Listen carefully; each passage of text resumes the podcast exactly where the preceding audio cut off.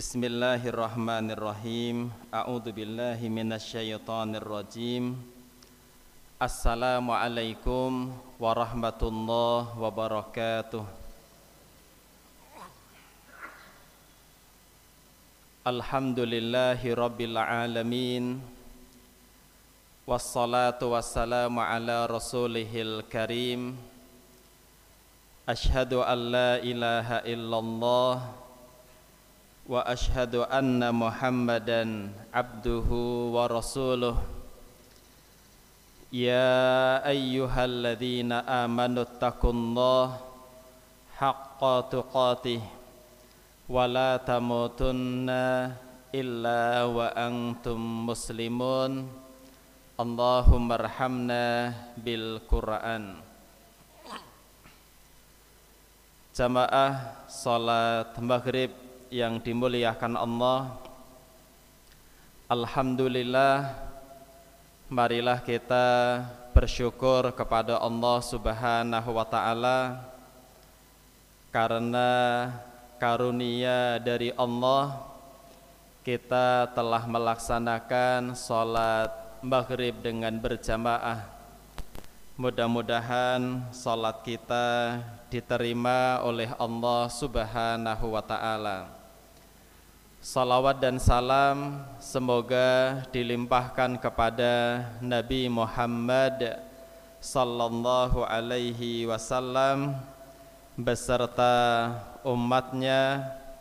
Semoga kita semua mendapatkan syafaat dari Rasulullah sallallahu alaihi wasallam Jamaah yang dimuliakan Allah Subhanahu wa taala. Pada sore hari ini kita akan membahas yang keempat ya, yang terakhir tentang kisahnya Abu Bakar As-Siddiq yaitu tentang Ayyadatul Marid salah satu amalan yang gemar dilaksanakan oleh Abu Bakar As-Siddiq yaitu ayyadatul marid. Suka mengunjungi atau menengok orang yang sakit. Kita awali sebuah hadis riwayat Muslim dari Abi Hurairah Rasulullah sallallahu alaihi wasallam bersabda Haqqul muslim alal muslim situn ya. Hak seorang muslim atas muslim yang lain ada enam ya.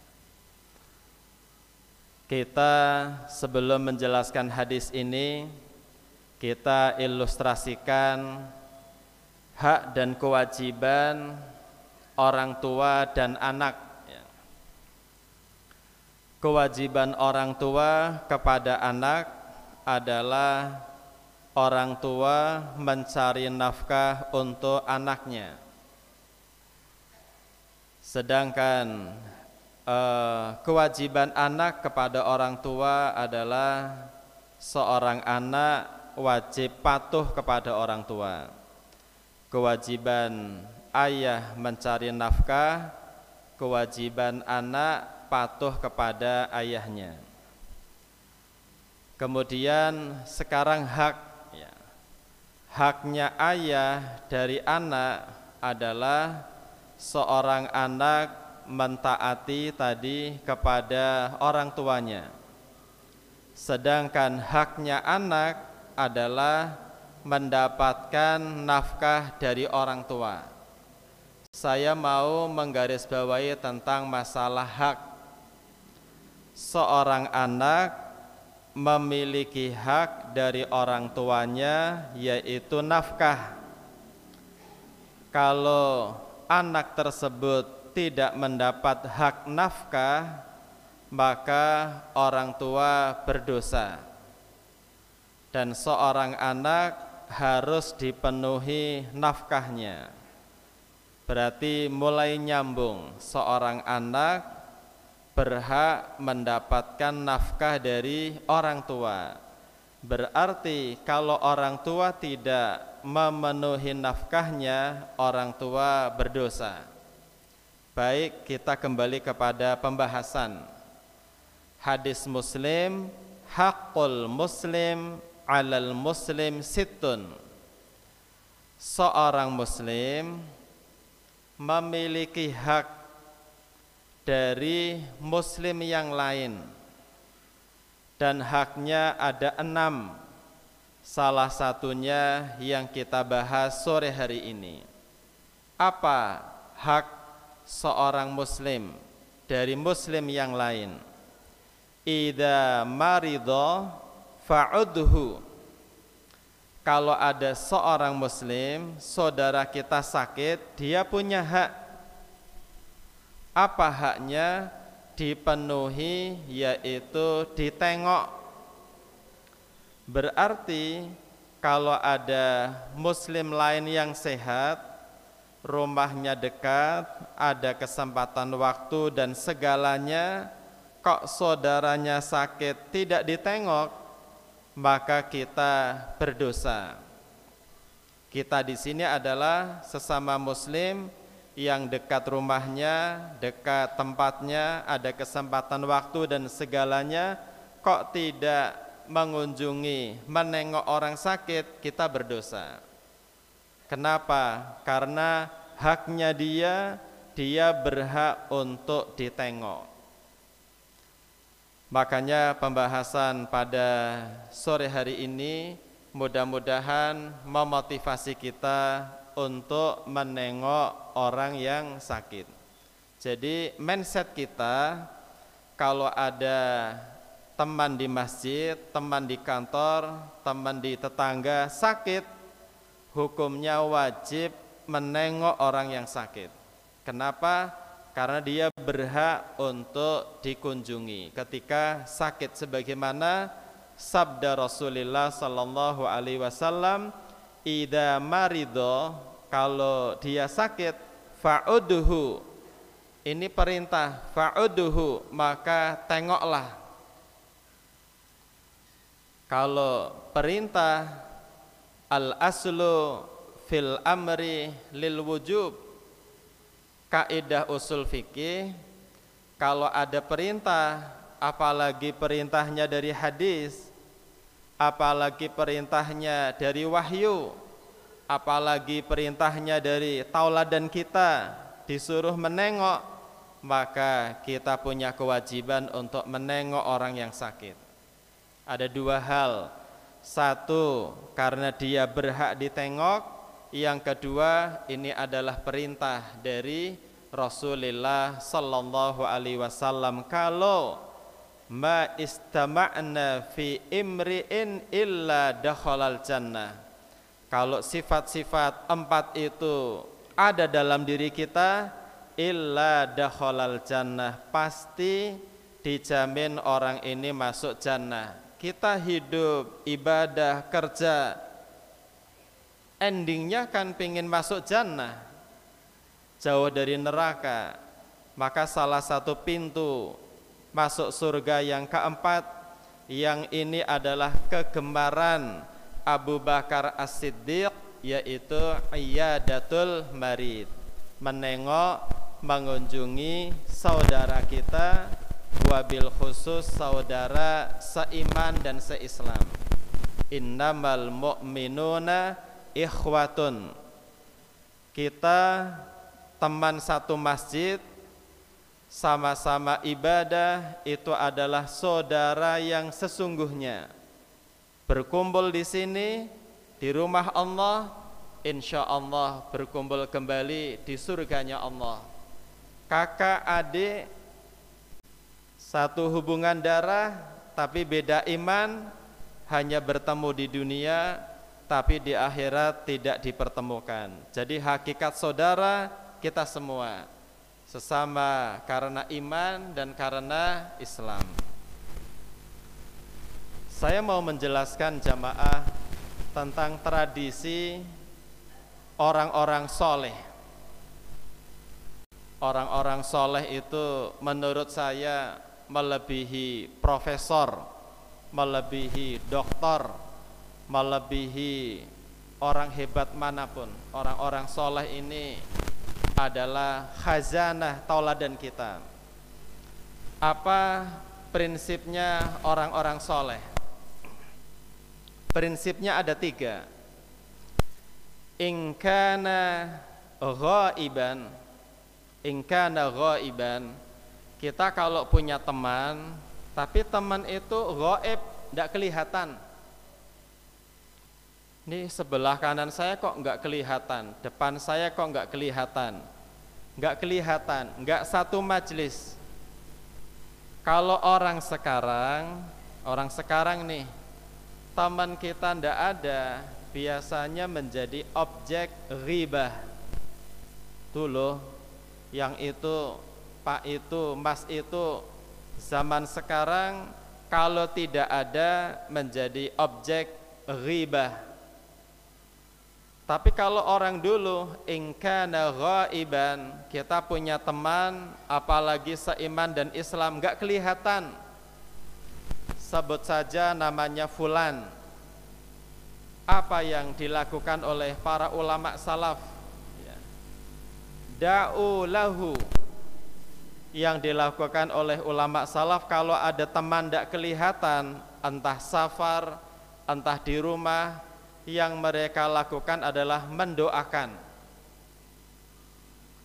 Yuk kita berlatih teman-teman yang tidak ada kita doakan. Kapan doanya Ustadz? Ya nunggu komat tidak apa-apa. Di saat majelis begini tidak apa-apa. Sebutin sebanyak-banyak teman, doakan yang enggak kelihatan. Dan ini termasuk doa yang paling mustajab. Ad-doa an ghaibi. Mendoakan tapi dia enggak tahu. Ini termasuk doa yang paling mustajab. Yang kerennya bukan hanya mustajab. Malaikat mengatakan pula mendoakan buat kita walaka bimithlin misal nih ya di masjid ini atau di kantor atau di mana ada teman gak kelihatan jangan menjadi objek ghibah dalam hati saja ya Allah teman saya tidak hadir ini mudah-mudahan urusannya dimudahkan Allah mudah-mudahan sehat mudah-mudahan rezeki lancar Mudah-mudahan urusannya dipermudah. Doakan. Malaikat akan mengatakan amin. Semoga dikabulkan. Walaka bimithlin. Anda juga sama. Masya Allah. Didoakan malaikat. Uang kita minta doa sama orang soleh aja bangganya Masya Allah. Ini didoakan oleh malaikat. Jadi prinsipnya ada tiga. Kalau kita punya teman, ingkana ghaiban da'u lahu kalau orangnya tidak ada didoakan wa in kana hadiran prinsip yang kedua wa in kana hadiran. Ternyata temannya nggak pergi. Ada. Apa yang dilakukan oleh para ulama salaf? Zaruhu. Kalau ada teman tidak maksudnya ada satu tempat, satu kampung, satu kantor ada, bukan tidak ada. Fazuruhu. Hobi mereka saling mengunjungi entah hari Sabtu siang, hari Ahad pagi, sore, ngunjungin dia. Kita dengan sesama muslim bukan hubungan darah, itu namanya bukan silaturahim. Kenapa bukan silaturahim? Karena rahim artinya kandungan. Jadi kita ke tempat teman sesama muslim sesama mukmin namanya ziarah. Tapi kalau mengunjungi adik, kakak, paman, keponakan itu namanya silaturahim. Cuman orang Indonesia rumit. Siapa pun dianggap saudara. Itu saudara. Jadi saya silaturahim. Secara semangat bagus tapi pahalanya nggak mendapat yang pahala menambah rizki, menambah usia. Yang nambah usia, nambah rizki, silaturahim. Ke adiknya, ke keponakannya, ke pamannya, bibinya, kakek, nenek, masih hubungan darah. Tapi kalau teman, itu namanya ziarah, tapi tetap bagus. Sebagaimana para ulama salaf kalau ada orang sehat dikunjungin. Ini prinsip yang nomor dua.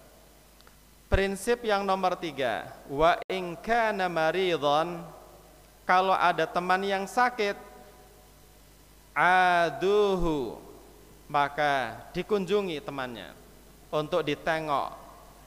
Jadi prinsipnya luar biasa. Mari kita mengamalkan. Enggak ada teman, didoakan. Temannya ada main ke rumahnya, lagi sakit kita tengok itu prinsip-prinsip para ulama salaf. Ada seorang ulama salaf bernama Al-A'mash. Al-A'mash ini mengatakan begini Ida faqatna thalathata ayyamin Ida faqatna. Kalau kita ini enggak ketemu thalathata ayyamin tiga hari aja nggak ketemu sa'alna anhu pasti kita wajib menanyakan. Pokoknya kalau tiga hari nggak ketemu harus nanya ini si fulan di mana? Zaman sekarang kita nggak temu teman setahun juga nggak nanya. Nggak ketemu jamaah masjid dua bulan nggak nanya cuek. Nggak ketemu dua pekan juga cuek. Harusnya jamaah masjid kenal semua minimal wajahnya. Ini kok nggak kelihatan ini? Sudah tiga hari hukumnya wajib nanya. Sa'alna anhu. Idha faqadna thalathata ayyamin sa'alna anhu. Kok tiga hari nggak muncul? Nggak kelihatan di subuh nggak kelihatan di duhur. Nanya di mana si fulan? Wa in kana maridan udnahu. Ini tradisi orang salaf. Eh ternyata sakit, wajib ditengok. Wajib dikunjungi. Itulah indahnya para ulama salaf mengajarkan kepada kita. Ada sebuah pertanyaan yang wajib kita jujur Pertanyaan ini jawabannya sama tidak dengan para ulama salaf? Misal jamaah, kita kita ini mendapat rizki dari Allah punya uang akhirnya beli motor baru. Yang tadinya hanya sepeda kepingin punya motor Alhamdulillah ada rezeki beli motor baru. Mungkin 15 juta atau berapa juta. Namun ketika beli motor itu sama Allah semakin jauh yang tadinya sholat berjamaah tidak kelihatan yang tadinya ngaji libur yang tadinya banyak berdoa dan berzikir berhenti sibuk dengan motornya. Ada orang jamaah punya motor baru. Nyuci motornya menjelang maghrib dielus-elus. Padahal istrinya tidak. Adan Isya belum selesai nyuci motor. Mungkin motor yang bagus sekali ya. Mendapat nikmat motor jauh dari Allah ini orang pertama jamaah. Orang yang kedua, dia baru beli motor sepekan. Baru beli motor sepekan. Kodarullah motornya hilang. Jadi dia beli apa di toko, kuncinya itu dibiarin di di tempat kuncinya. Tidak apa-apalah, ada Allah ini, biarin ke toko itu beli barang ke toko cuma lima ribu antri lima orang nggak lihat motornya pas keluar motornya hilang kemudian dia mengatakan, "Ya Allah, uh, saya diberi peringatan oleh Allah dengan motor hilang. Saya sabar ya Allah. Mudah-mudahan Engkau ridho." Itu berarti menurut jamaah bagus yang mana ya? Punya motor baru, tapi lupa sama Allah, sholatnya ditinggal, molor. Yang satu motornya hilang, jadi rajin ke masjid. Bagus yang mana jamaah? Jenengan pilih yang mana tuh yang punya motor hilang tapi dekat sama Allah. Gimana? Maka para ulama salaf sepakat lebih baik mendapat musibah tapi dekat dengan Allah daripada mendapat nikmat tapi jauh dari Allah. Bahasa lainnya lebih baik uh, rumahnya kebakaran. Tapi ingat Allah daripada rumahnya sehat nggak ada bencana tapi jauh dari Allah. Cuman kita milihnya jalan tengah barangkali ya. Tidak apa namanya tidak di antara dua kubu. Tapi begitu jamaah yang dimuliakan Allah. Menurut Ibnul Jauzi.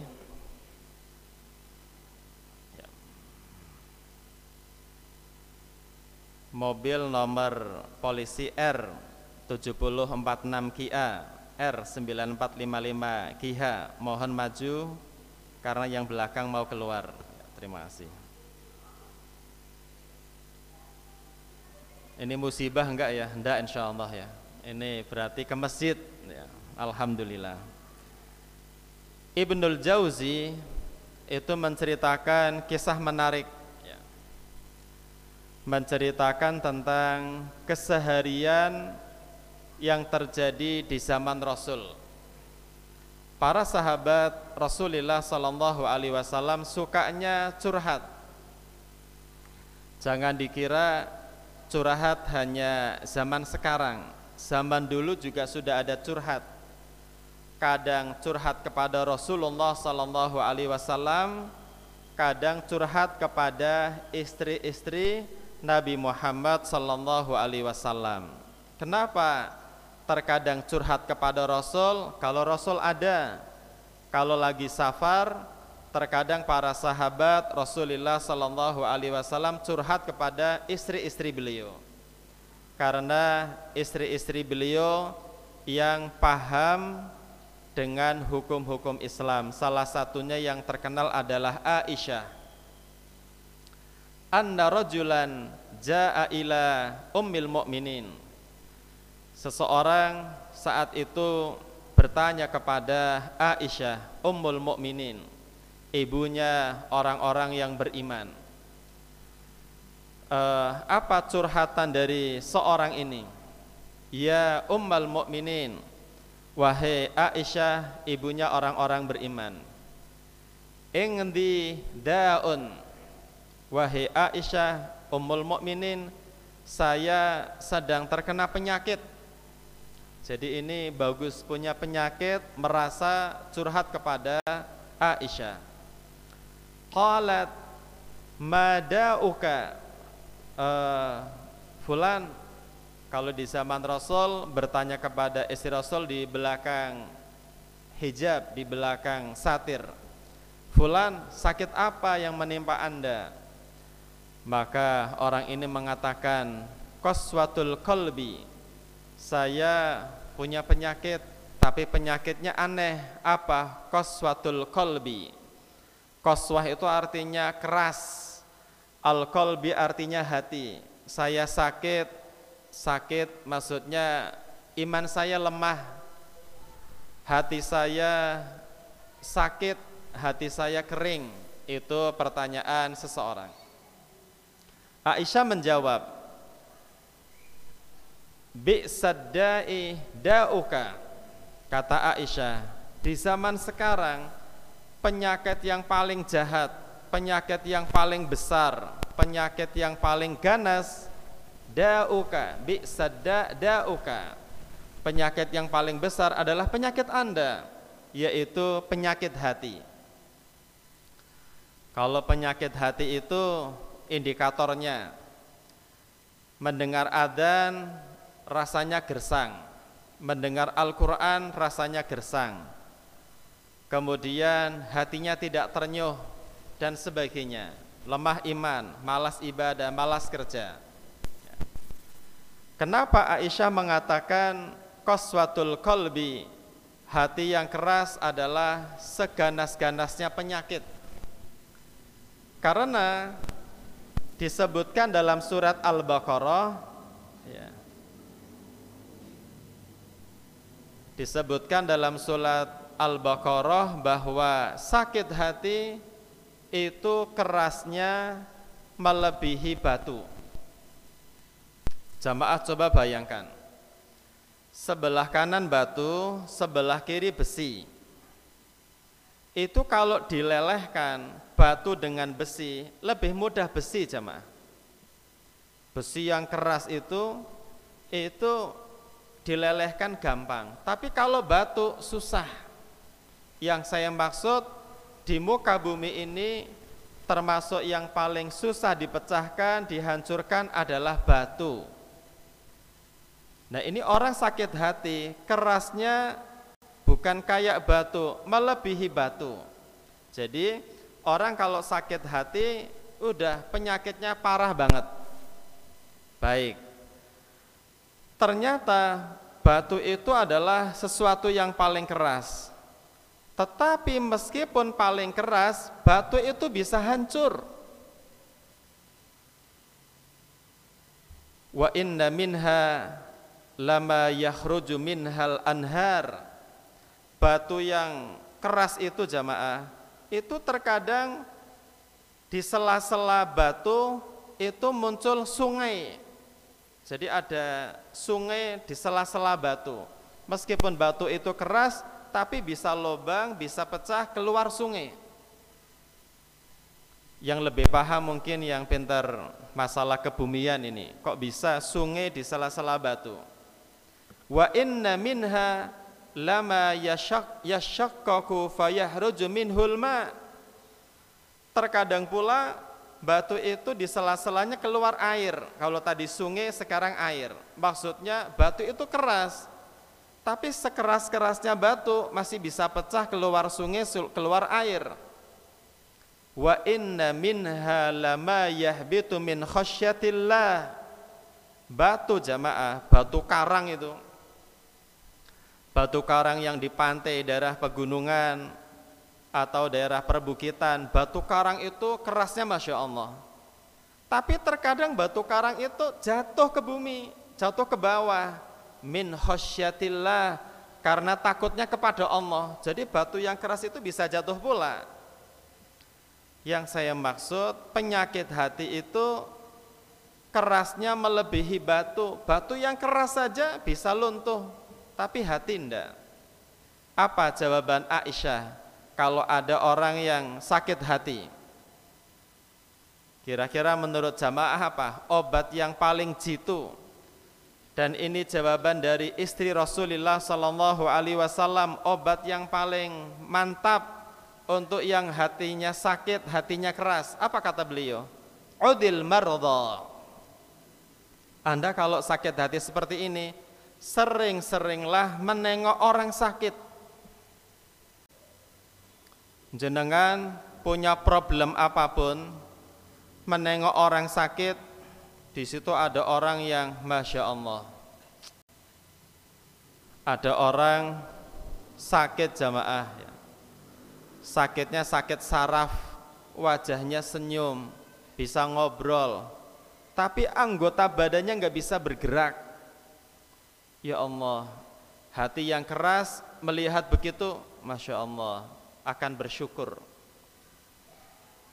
Ada orang lumpuh jamaah, dari lahir sampai sekarang 37 tahun, satu tahun hingga 37 tahun selamanya di atas kasur, masih hidup kencing berak di situ ada orang begitu. Kalau ditengok, ya Allah, Maka kata Aisyah sangat betul. Terkadang iman kita lemah, hati kita keras. Udil maradha. Tengoklah al-maradha jamak dari marid. Marid artinya satu orang sakit. Maridhani dua orang sakit. Al-maradha berarti banyak. Mengunjungi orang sakit bukan satu, tapi banyak. Kenapa? Akan menyembuhkan penyakit hati kita. Dan alhamdulillah jamaah Rumah sakit sekarang Ramenya kayak pasar. Saya sudah berapa kali antri Saya berupaya gasik Ambil antrian. Kalau tidak salah jam 6 Ya Allah pak. Oh di belakang sendiri. Oh Bapak datang jam berapa? Habis subuh Oh pantas Masya Allah, raminya luar biasa. Yang saya maksud sekarang banyak orang sakit. Kepingin hatinya sehat, udil mardo. Banyaklah mengunjungi eh, orang-orang uh, yang sakit. Ada kaulul hikmah, kalau bahasa kita ya kata-kata mutiara orang Arab. Apa kata-kata mutiara terkenal dari orang Arab? Zuril mustashfa marratan wahidatan fi syahr. Zuril Zuratirnya dia kata Zaur ya zuru zur Kunjungilah Al mustashfa rumah sakit. Fisyahri marratan wahidah Minimal jamaah Kita sehemat-hematnya Nengok orang sakit Bukan Sehemat-hematnya mengunjungi rumah sakit Minimal sebulan sekali Di jadwal ya Januari, Februari Mengunjungi ke rumah sakit Kenapa? Lita'rif fadlallahi alaika fi. Kalau Anda zuril mustashfa marratan wahidatan fi syahri lita'rif fadlallahi alaika fi. Kalau Anda mengunjungi rumah sakit sebulan sekali, lita'rif Anda akan mengetahui fadlallahi alaika fi sihha akan pentingnya mahalnya yang namanya sehat. Jadi orang sakit ini ternyata memberi kita banyak manfaat. Salah satunya kita jadi tahu bahwa sehat itu harganya sangat mahal.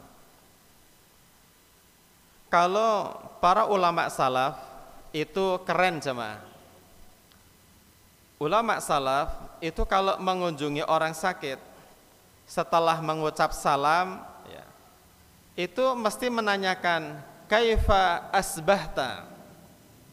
Kita nengok orang sakit kalau nengoknya pagi kaifa asbahta? Kalau menengok sore hari kaifa amsaita itu bahasa Arab. Kalau kita ya gimana kabar anda pagi hari ini? Nanya sama orang yang sakit. Orang sakit zaman dulu kalau ditanya gimana kabarnya? Jawabannya asbahtu bi ni'matillah. Kalau diterjemah bebas itu ya. Orang sakit nih entah mau dioperasi atau sakit besar eh gimana kabar anda? Jawabannya keren banget. Alhamdulillah saya tenggelam dalam kenikmatan Allah sakit jawabannya saya tenggelam dengan kenikmatan Allah maksudnya nikmatnya banyak banget kayaknya perlu kita coba ya sesama teman kalau meskipun sakit gimana kabarnya? Maka teman tadi sesakit apa pun ditanya gimana kabarnya akan mengatakan Alhamdulillah bersyukur pada Allah. Anda sakit apa? Gigi. Alhamdulillah berarti masih punya gigi. Kalau tidak punya gigi nggak sakit gigi, itu kan? Jadi ya Allah nikmatnya luar biasa. Baik, yang terakhir saya bacakan hadis untuk memotivasi kita. Hadis riwayat Muslim. Rasulullah sallallahu alaihi wasallam bersabda, "Ma min muslim ya'udu musliman ghadwatan atau sobahan." Tidaklah seorang muslim ya'udu musliman menengok orang muslim yang lain ghadwatan di waktu pagi atau sobahan. Illa salla alaihi sab'una alfa malakin hatta yumsiya. Masya Allah ini motivasi yang luar biasa. Tidak ada seseorang di waktu pagi entah jam 7, jam 8 atau jam 6 menengok orang sakit. Kecuali orang ini sholla alaihi sab'una alfa malakin. Kecuali pasti didoakan diberikan solawat sebanyak sab'una alfa malakin. Sab'un 70 alfa ribu. 70 ribu malaikat mendoakan dia. Mendoakannya bukan datang pagi didoakan pagi enggak hatta yumsiya sampai didoakan waktu sore. Susah. Susah menakar pahalanya. Nengok di waktu pagi jam 7 didoakan oleh malaikat sebanyak 70 ribu malaikat sebauna alfa malakin hatta yumsiya sampai maghrib sampai sore wa man kana ya'udu musliman asyiyatan. Siapa yang nengok orang muslim asyiyatan di waktu sore? Entah jam 5 jam menjelang maghrib jam 4 setelah sholat asar. Sama illa salla alaihi sab'una alfa malakin hatta yusbiha. Didoakan oleh malaikat dari sore malam sampai pagi. Hebat sekali jamaah didoakan oleh 70 ribu malaikat. Kita ini kalau wahai syekh tolong doakan kami. Paling didoakan 5 menit 10 menit setengah jam. Ini didoakan oleh malaikat berapa jam? 12 jam jamaah. Yang hebatnya solawat malaikat minimal artinya dua. Salla alaihi sab'una alfa malakin itu minimal dua doa yang pertama adalah al-maghfirah yang kedua disebutkan ar-rahmah dapat dua doa. Jadi misal begini. Kita nengok orang sakit jam 7 atau jam 6 kita doakan la ba'sa tahur insyaallah syafaqallah dan doa-doa yang lain. Itu didoakan malaikat dari jam 7 sampai sampai sore sampai asar Ya Allah semoga si fulan mendapat rahmat. Ya Allah semoga si fulan dosanya diampuni. Terus sampai maghrib. Yuk bersama-sama setelah ini langsung nengok orang sakit. Cari kanan kiri yang sakit kita tengok. Yang penting doanya apa? Bawa oleh-olehnya. Kalau bisa dua-duanya. Ya, biar mendapatkan keutamaan baiklah jamaah yang dimuliakan Allah demikian eh, amalan yang menjadi tradisi Abu Bakar As-Siddiq yang dari amalan itu illa dakhalal jannah termasuk yang membuat kita dimasukkan ke dalam jannah. Minta maaf kalau ada hal-hal yang kurang berkenan. Kita akhiri dengan baca hamdalah dan doa kafaratul majlis. Alhamdulillahirabbil alamin. Subhanakallahumma bihamdik asyhadu an la ilaha illa anta astaghfiruka wa atubu ilaik. Assalamualaikum warahmatullahi wabarakatuh.